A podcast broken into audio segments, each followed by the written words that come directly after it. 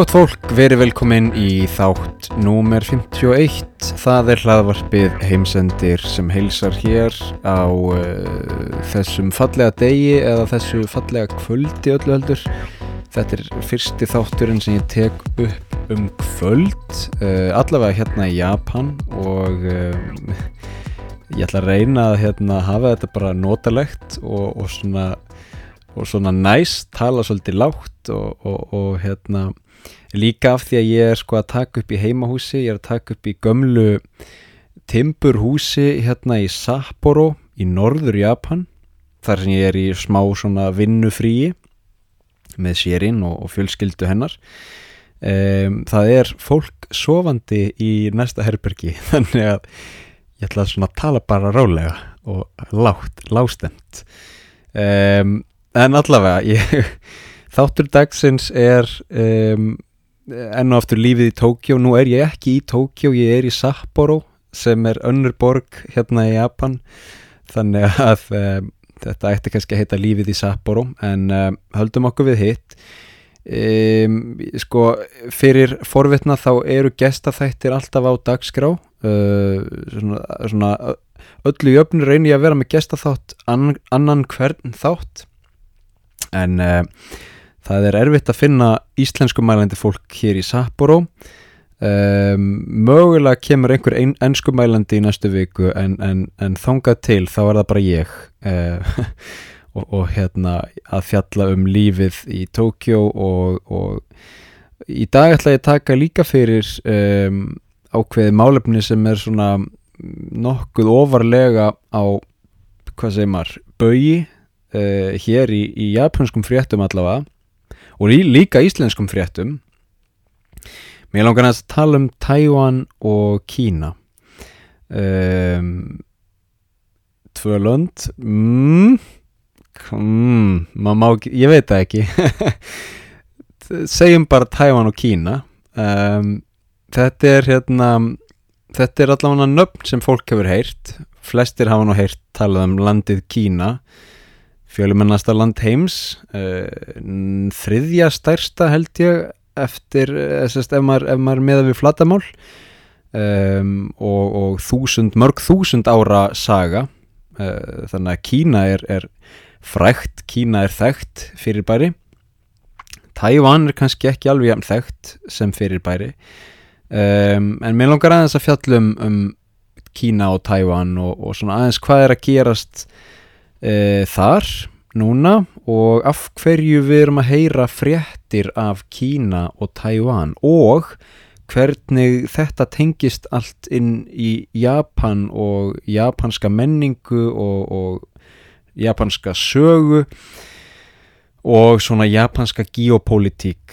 Uh, ég hef ekki ennfundi gott orð yfir geopolítík en um, það má endilega senda á mig ef, ef einhver er með slíkt Sko, áður við dempum okkur inn í þetta þá ætla ég bara aðeins almennt að, að hérna, upplýsa hlustendur um, um stöðu mála. Ég sem sagt uh, var að klára tveggja vikna, hvað sé maður, síningarferðli uh, í, með leikhópi í Tókjó. Uh, þetta var frumraun mín á japansku sviði. Ég leik tré.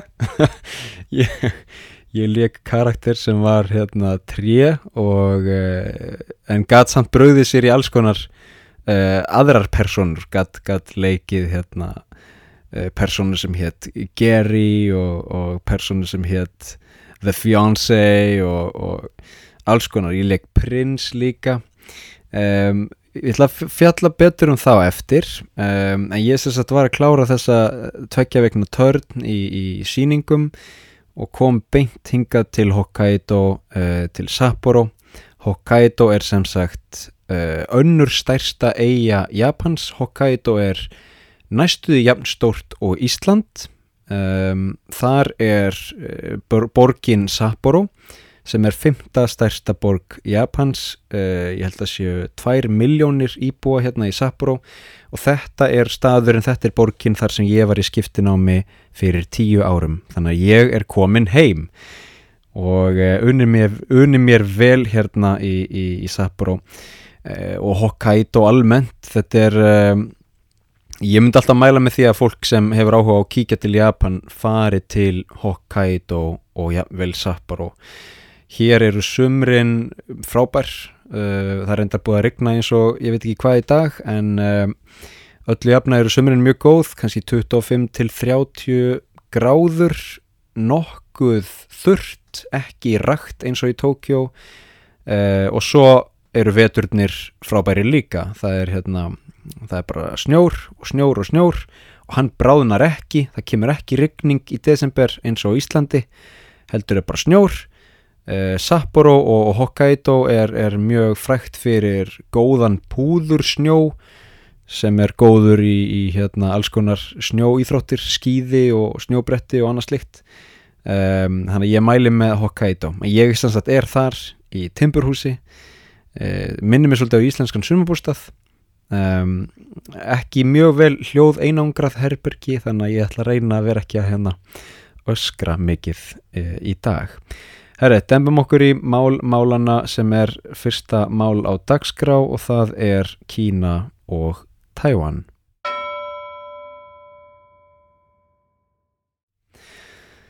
Ok, sko, uh, þetta, er, þetta er hérna, þetta er uh, Kína sem er land með e, eina lengstu sögu landaheimsins, ef svo má að orði komast. Þú veist, við erum að tala um risa hér og Taiwan sömuleiðis líka með tiltula langa sögu. Um, þetta er uh, sko, við skulum bara byrja á Tæwan Tæwan er náttúrulega eiga þetta er eiga undan ströndum Kína, undan austur strönd, suðaustur strönd Kína.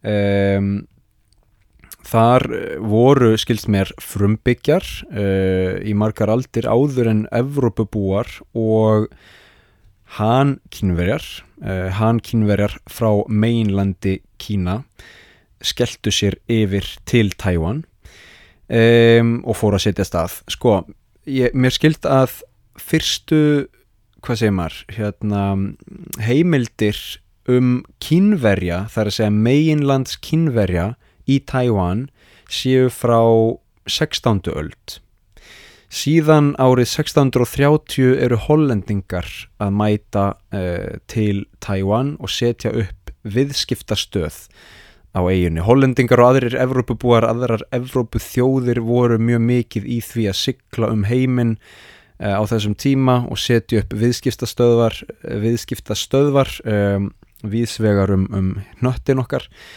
og já, vel að uh, hvað segir maður, bara taka yfir þjóðir og, og, og ríki og lönd og stopna nýlendur hér og þar.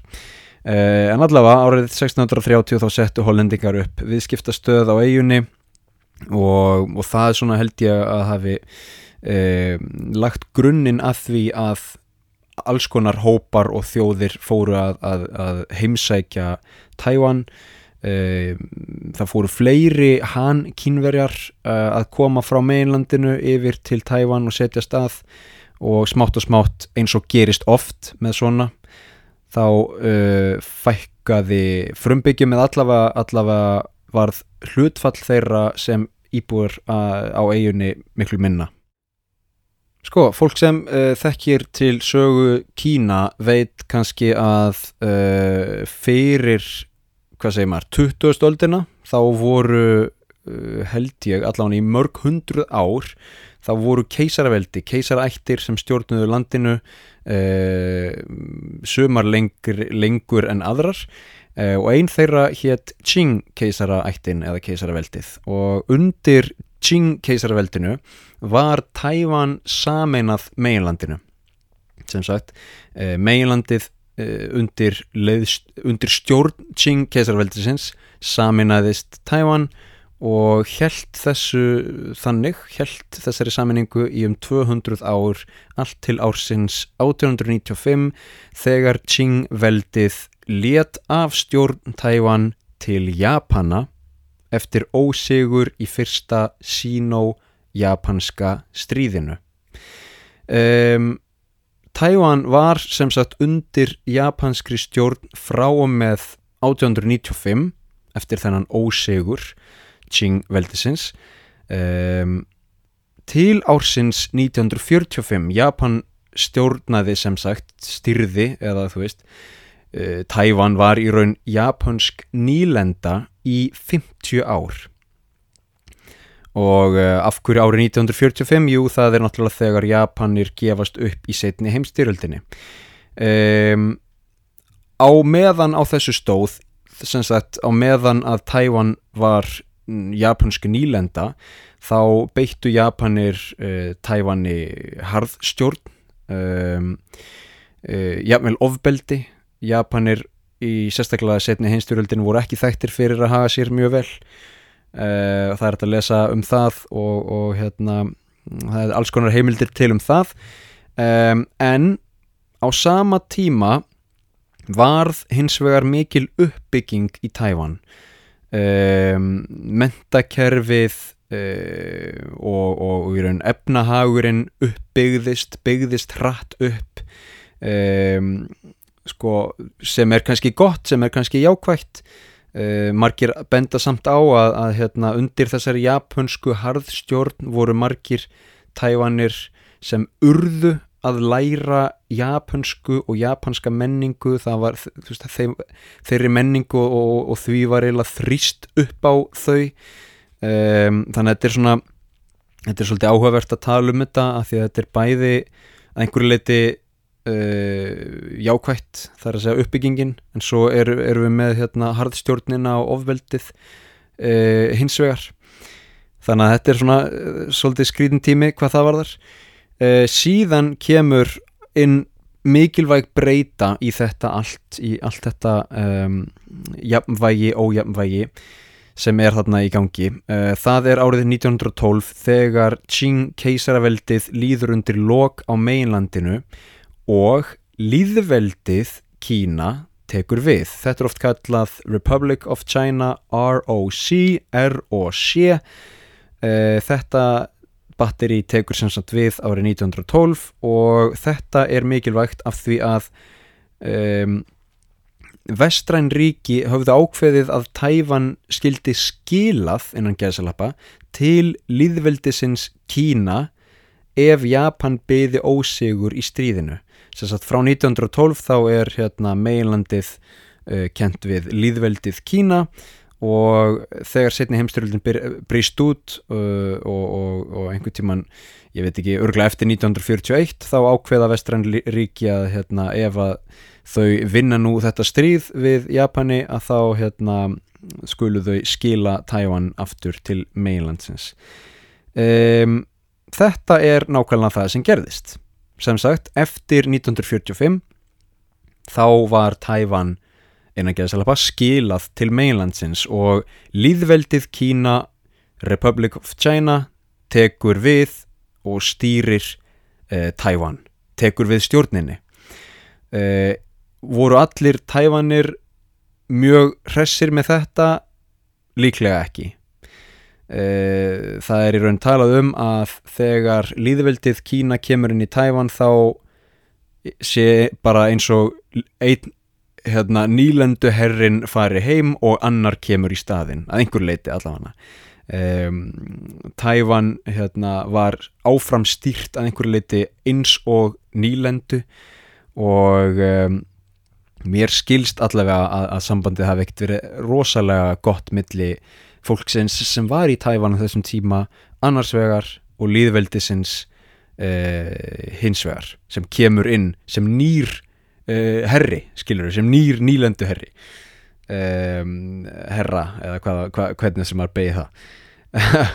Ok, heldum að fram sko um, já, svo var annað vandamál mikilvægt það var í raun það að, að þrátt fyrir enn og aftur að Japanir hafi beitt svona mikill hörku og, og ég vil ofbeldi um, á sínum nýlendu tíma þá var þessi mikla uppbygging sem fylgdi með og þetta gerði það verkum að þegar uh, Tæfan fer aftur til Kína innan gerðsalappa, líðveldið Kína tekur við stjórn, að þá er Tæfan í raun orðið miklu þróaðara heldur en meginlandið þú veist, þetta er svona eins og ef að hérna, par sem er í fjarsambandi eh, er í fjarbúð í langan tíma, tvö ár kannski og, og hérna og, og það heldur bara áfram að lifa sínu lífi, lífi bara hérna í sitt, sitt hvorum heims hlutarum þess vegna og, og, og þroskast og breytist og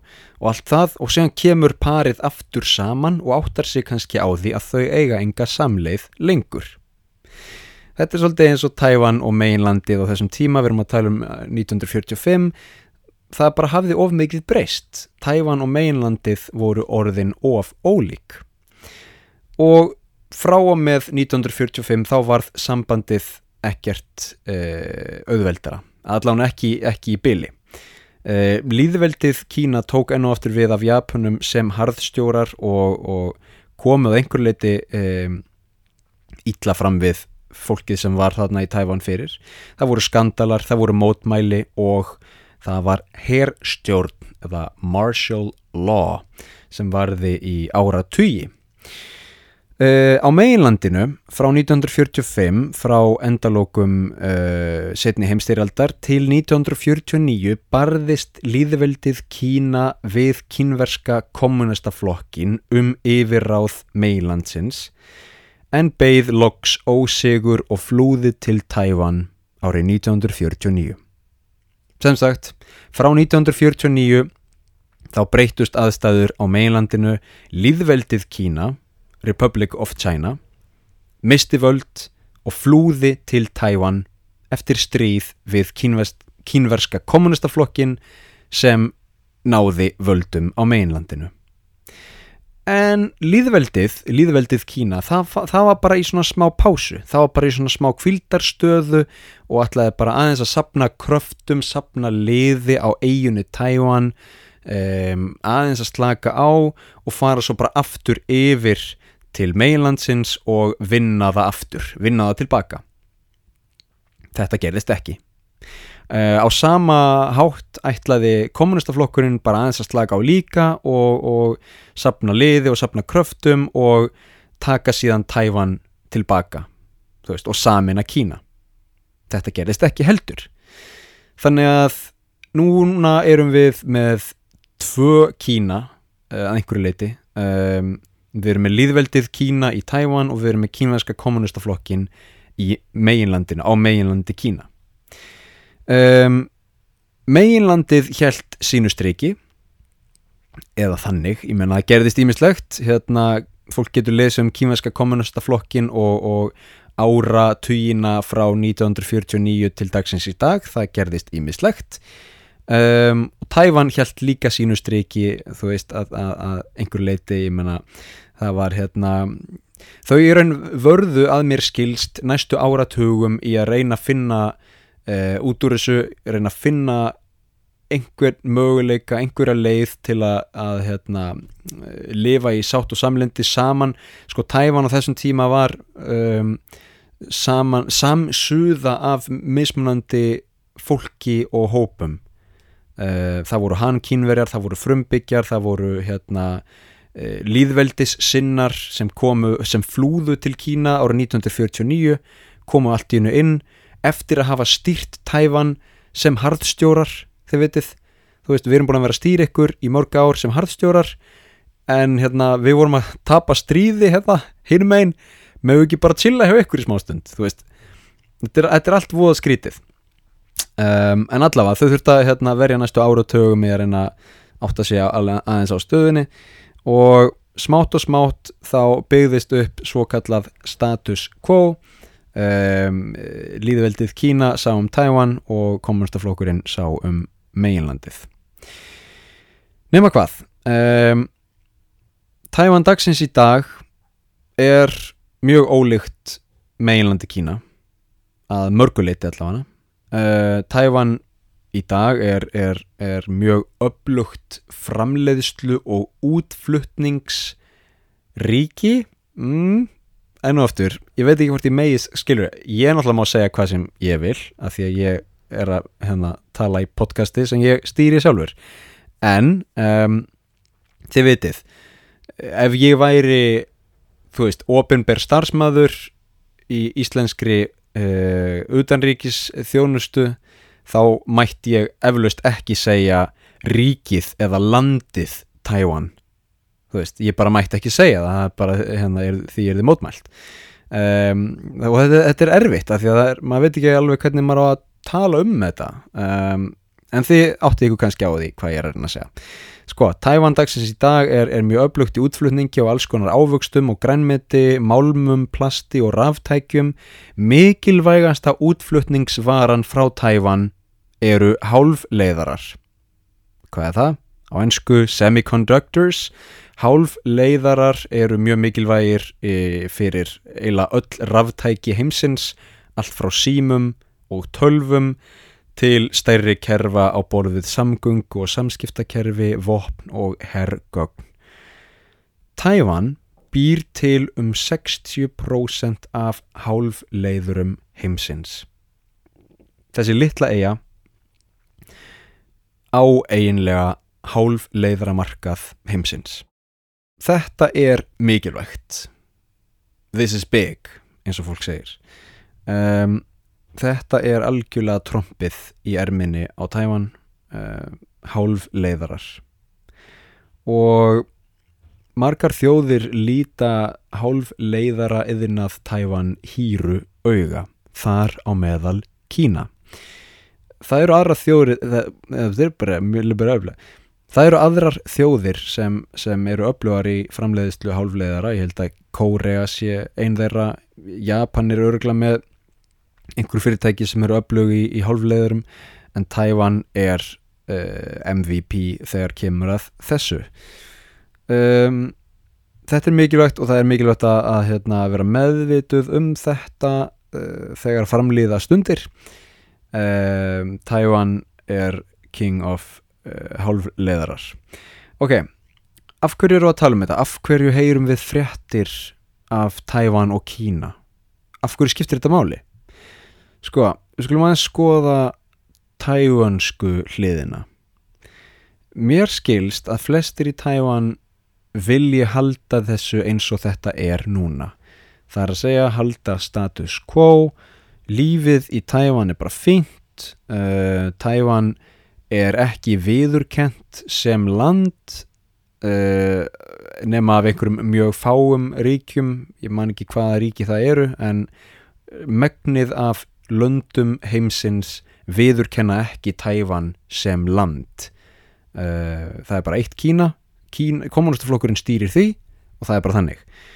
Hins vegar stunda mörg lönd og þar meðal mörg vestræn ríki viðskipti við Tæfan en og aftur Tæfan er, er hérna, king of hálfleðari þannig að um, það er mjög mikilvægt að stunda viðskipti við Tæfan Tævan býr líka til mjög góða ávexti. Hér í Japan er þetta að kaupa hérna tævansk eh, tævansk, hvað segir maður? Tævanskt ananas tævansk ananas ananas sem eru mjög bræðgóð og hérna og það er bara fínt, þú veist, enn og eftir status quo ekki land, ekki ríki en við getum stunda viðskipti.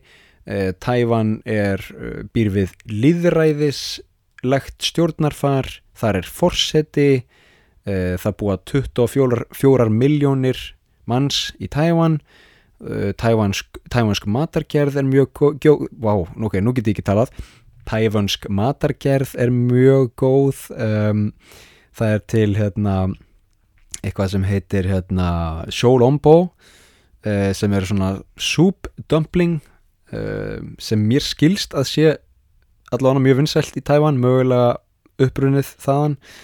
Um, en, en hérna allavega, sagt, status quo status quo, status quo. Það eru hópar innan Tævan sem vilja sjálfstæði en mér skilst að þeir séu enn í minni hluta.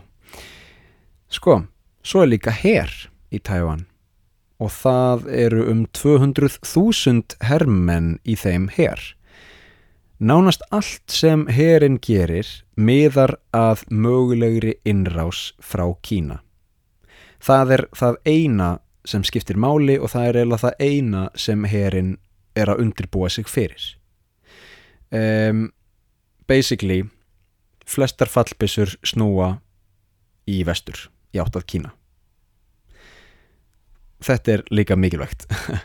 Veist, það er stór herr í Tæwan uh, herþótur, skip kafbátar, fallbissur eldflögar og flugskeiti og nánast allt snýst um að verjast innrás frá Kína.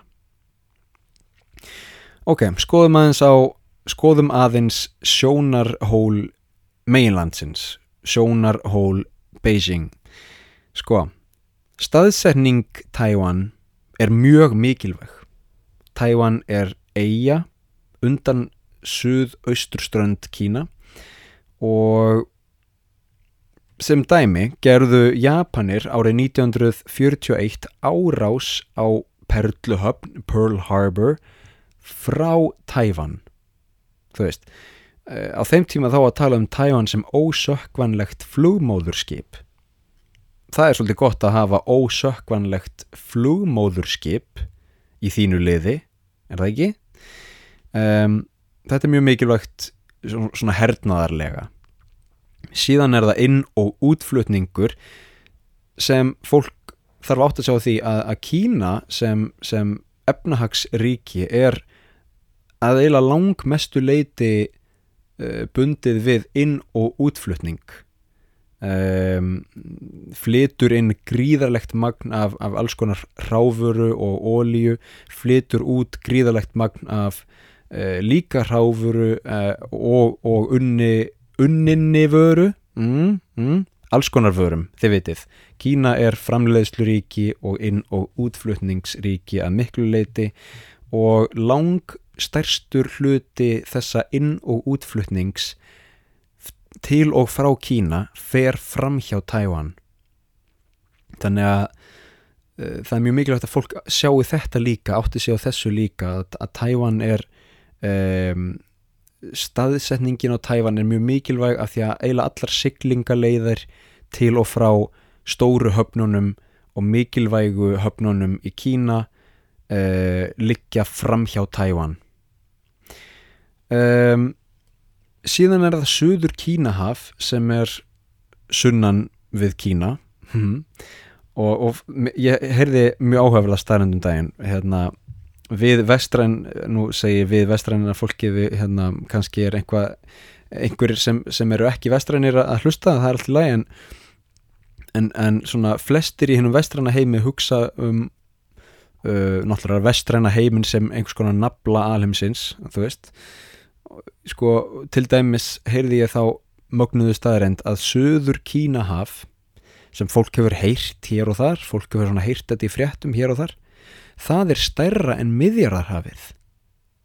Þú veist um, miðjarðar, miðjarðarhafið er minna en söður Kínahaf mér finnst þetta margilegt, mér finnst þetta magnað. Mér finnst sko, ég líti á miðjarðarhafi sem bara nokkuð stórt haf og, og mikilvægt og hérna laungsaga og allt það.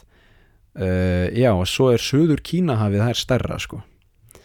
Og á næstu árum og næstu áratögum get ég mynda mér að söður Kínahaf verði miklu mikilvægara og miklu meira í umræðunni heldur en miðjarðarhaf.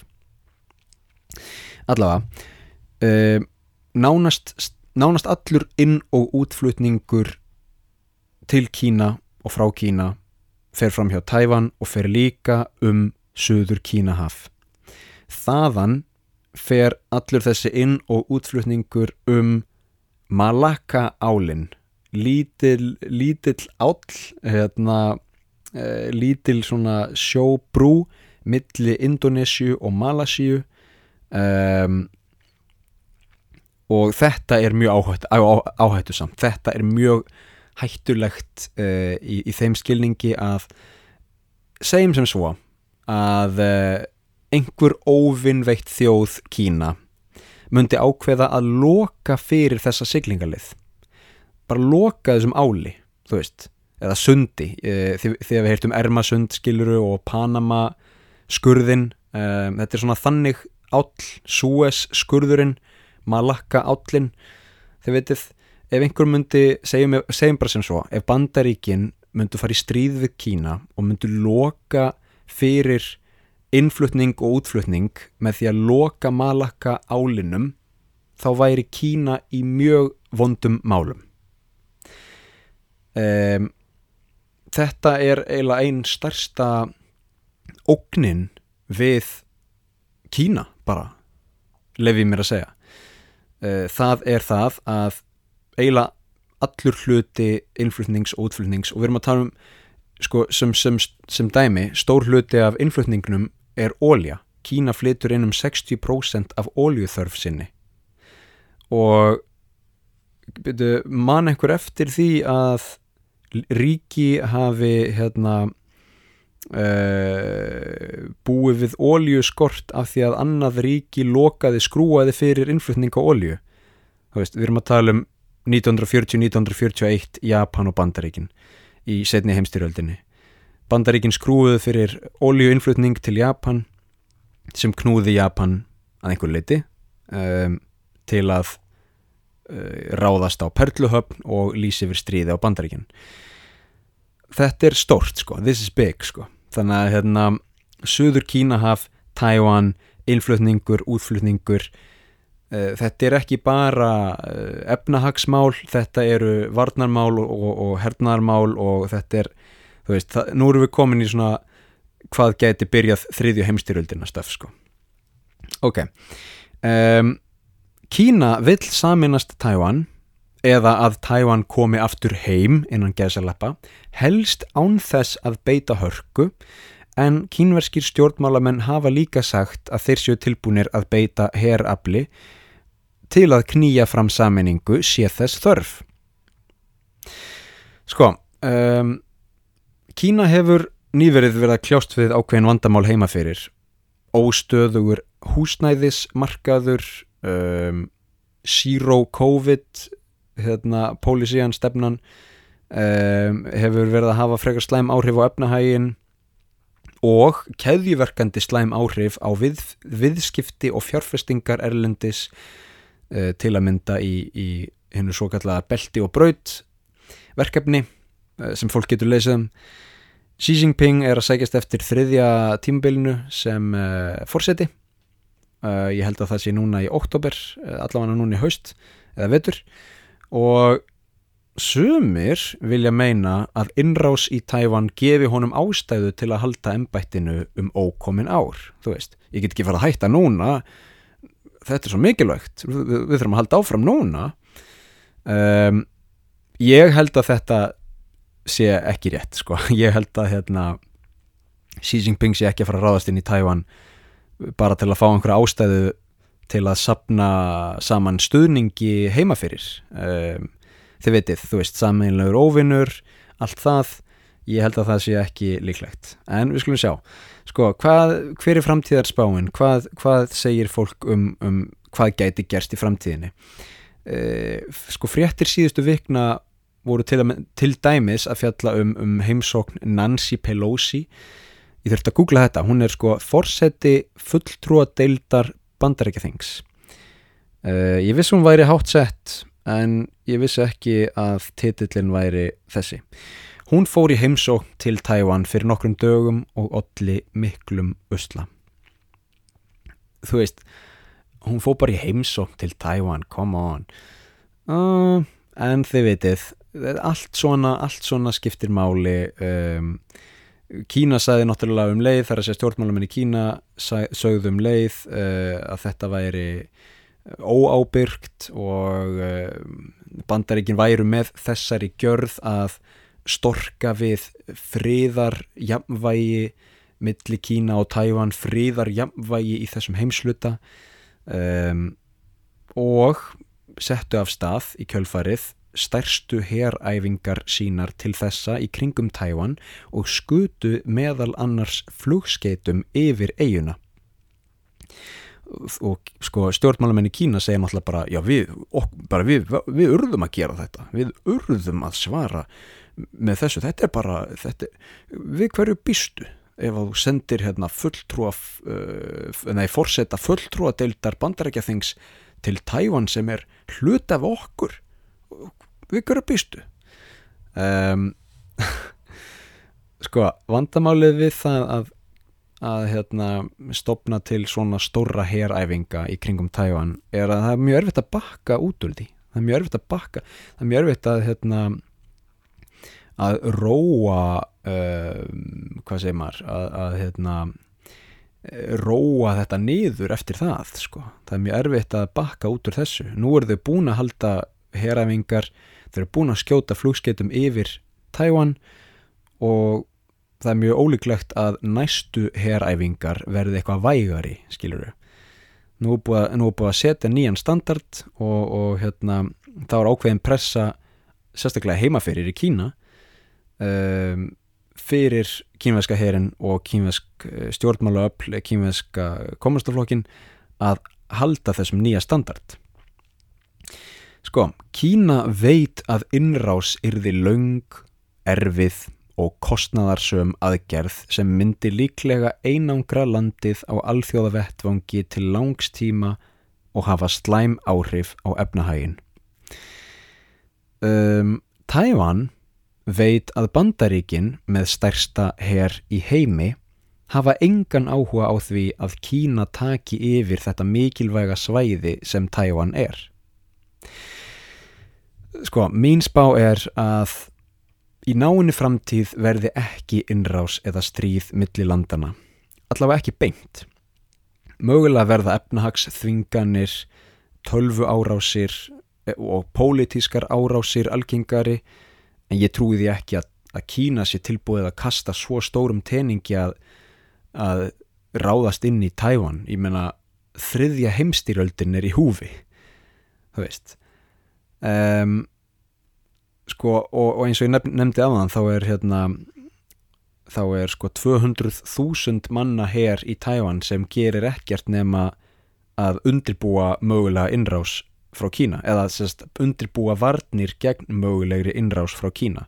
Kína er með uh, held ég stærsta hér í heimi það eru 2 miljónir hermana í kínverska hernum og, og stærsta hérna, sjóher í heimi reyndar ekki með flest flugmóðurskip en það er annar mál.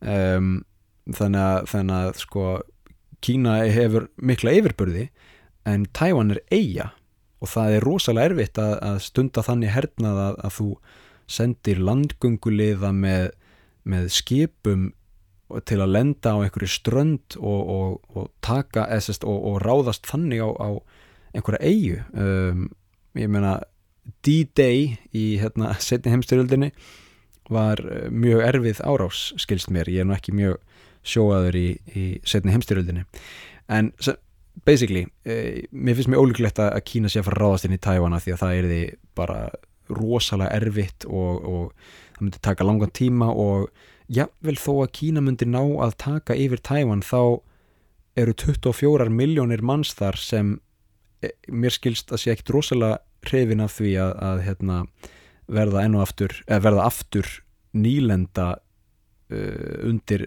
harðstjórn eða undir stjórn. Þannig að mér finnst þetta ólíklegt. Mér finnst þetta ólíklegt og fólk bendir á hérna, hvað með Úgræn og Rúsland fólk saði að Rús, Rúsland eða Putin myndi ekki ráðast inn í Úgræn og svo gerðist það, hvað með það? Sko Rúsland uh, og sérstaklega Putin hafiði undirbúið Rúsland í mörg ár fyrir mögulegar efnahagsþvinganir. Það voru búin að vera efnahagsþvinganir frá vestrænum ríkjum og Rústland frá 2014 eh, þannig að eh, sko, þau hafðu miklu meiri tíma til að undirbúa sig fyrir einangrunina sem myndi fylgja í kjölfarið. Kína er miklu eh, fléttaðara inn í eh, vestræn, vestrænan efnahags heim og, og perlufestina sem er globalismi og, og, og hérna, viðskipti, alþjóðaviðskipti. Þannig að er, er Kína tilbúið að kasta því öll og glæ til að mögulega ná Tævan aftur eh, til sín, þú veist? Mér finnst þetta ólíklegt og ég held að hérna, ég held að við þurfum ekki að hafa ágjur af þessu en við þurfum að hafa ágjur af því að um, þú veist að þetta, þessi heimsluti er einhvern veginn, jafnvegið er um, að hverfa og, og það er verið störa bara mikil ólga og óreiða í þessum heims, heimsluti akkurat núna uh, af hverju er að tala um þetta? af hverju er að tala um Kína og Tæwan? Jú, af því að ég bý í Japan og Japan er um, mjög tengt bæði Kína og Tæwan Uh, Japan var náttúrulega nýlendu herra Tævan í 50 ár. Um, samskiptin og sambandið milli Tævan og Japan nú til dags er skilst mér mjög gott. Mér skilst að, að Tævanir líti Japani mjög uh, hvað segir maður? Uh, það sé allan að gott sam, samband þarna milli og, og það sé sameinlegt og, og hérna uh, Japan stundar viðskipti við Kína og, og Kína stundar viðskipti við Japan og þetta er svona en, en samt er Kína og Japan líka í alls konar að eiga í alls konar deilum um, um svæði, landsvæði og eigur og annað slikt Japan hefur sagt að, að Tævan megi ekki saminast Kína eh, Bandaríkin hafa sagt að, að þau munu mögulega hjálpa Tævan ef Kína ræðist inn, eitthvað svona veist, þetta, er allt, þetta er allt svo óljóst og, og hérna það er náttúrulega allt með ráðum gert. Eh, það er stefna Bandaríkina að halda þessu öllu mjög óskýru og óljósu svo að um, Kína veit ekki og, og þó, þó er ekki segja til um hvað verður. En áttur ég held að við verum ekki að hafa ágjur á þriðu heimstyrjöldinni akkurat núna. En ég, ég, ég vil hvetja fólk uh, á Íslandi og, og fólk sem er að hlusta til þess að kynna sér þessi mál.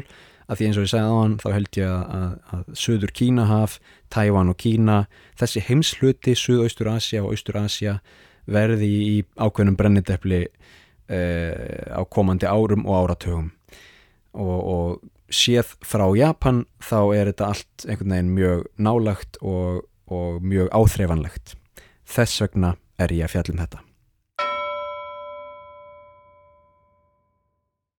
Ok, hörðu, skellum okkur í nokkra punkta hérna og svo segjum við það gott. Um, ég myndist á það í byrjun þáttar að að ég hefði hérna verið að, verið að vinna í, í tveggja vegna síningartörn með japansku leikhúsi.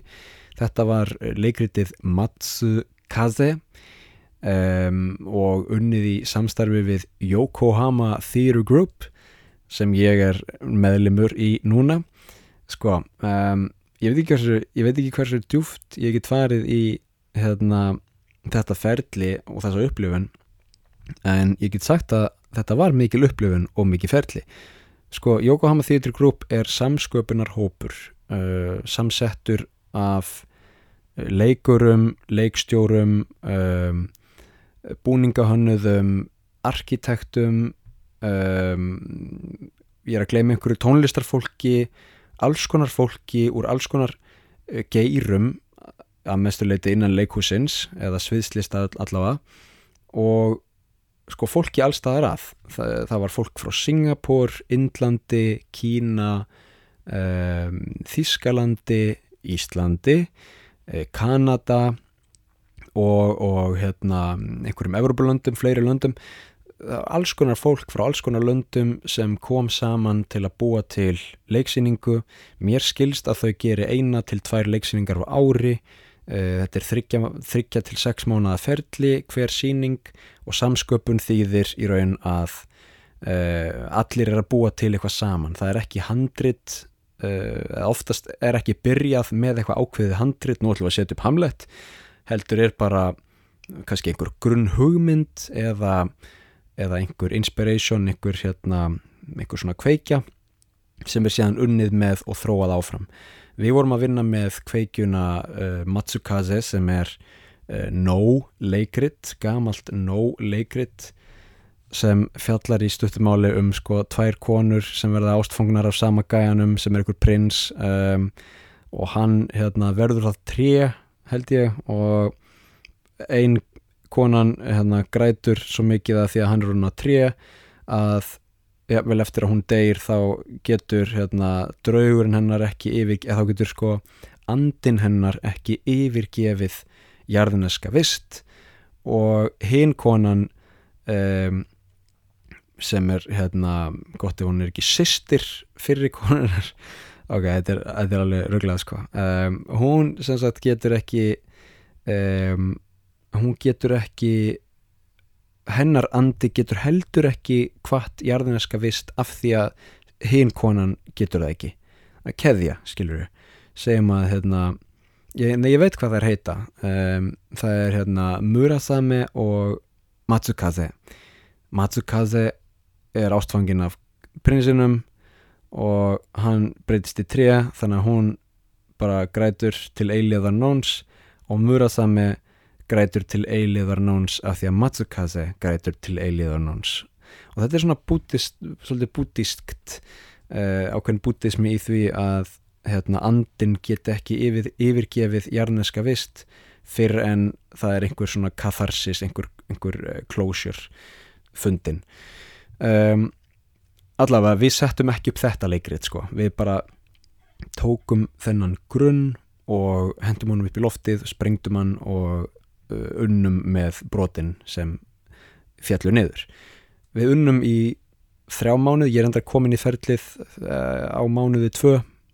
Ég sérst var í tvo mánuði með þeim og við gerðum alls konar sko. Ég hérna endaði á því að leika trémann sem hétt Green Man og var einhvern veginn úr öðrum heimi, úr annari vitt kom inn í þennan söguheim til að hafa áhrif á sögu uh, sögu kvennana tveggja sem voru í mið, miðdepli, miðpunkti. Og ég gætt brúðið mér í, í personur á borði við Gary sem var gaur frá New York sem bjó í Japan. Sko síningin okkar gerðist á hérna, áttunda áratögnum um, þannig að við vorum að vinna með alls konar tónlist og alls konar myndbönd frá þeim tíma um, svo, svo leik ég kynverskan hérna, trúlóvara fiancé, ég veit ekki hvað það er um, ég sem sagt að því að önnur konan var kynversk þá var ég sem sagt uh, verðandi ein maður hennar og fekk að tala smá mandarín og það var mjög gaman. Svo þurfti ég að læra ukulele, ég spilaði tvö lög á ukulele sem tré.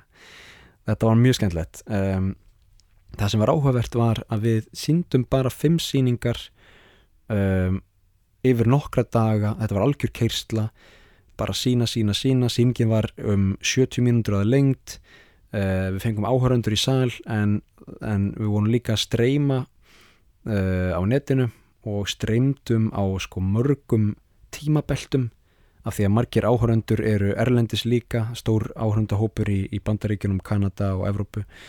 Þannig að við vorum að sko sína held ég uh, klukkan 11 var hérna fyrsta síningin og svo vorum við að sína klukkan nýjum kvöld sem var þá síðasta síningin um, en og aftur mikil reynsla og upplifun þetta var uh, að mestuleiti ennskumælandi síning ég er komin í annan leikhóp þar sem ég mun hérna, leika á japansku og það verður í oktober ég laka mikið til. Það verður reyndar miklu struktúrera miklu hefðbundnara ferli. Um, en, en þetta var uh, mjög skemmtilegt samsköpunarverkefni Matsukaze með Yokohama Theatre Group. Ég ætla að vera dölur að setja myndir af, af þessu um, af mér sem trí þannig að þið getur kíkt á það ok um, einn hérna punktur uh, í lokin um, að því að klukkan er margt um, þetta finnst mér áhugavert. Í Japan eru í maturverslunum bara litlar korfur sko, ég man ekki hvernig þetta er á Íslandi. Ég man að ef maður í bónus eða hagkaup eða þið vitið stórar búðir þá getur þú fengið alvöru stóra körfu þú veist, djúpa stóra körfu sem hérna krakkar allt til kannski 12 ára geta sko sest onni þið vitið um, en svo er líka til á Íslandi körfur sem þú heldur bara í höndunum þú veist, litlar körfur svo er líka til á Íslandi svona lítill vagn fyrir litlar körfur. Það er það eina sem er til í japanskum maturverslunum. Það er að segja, það er ekki til stórar körfur.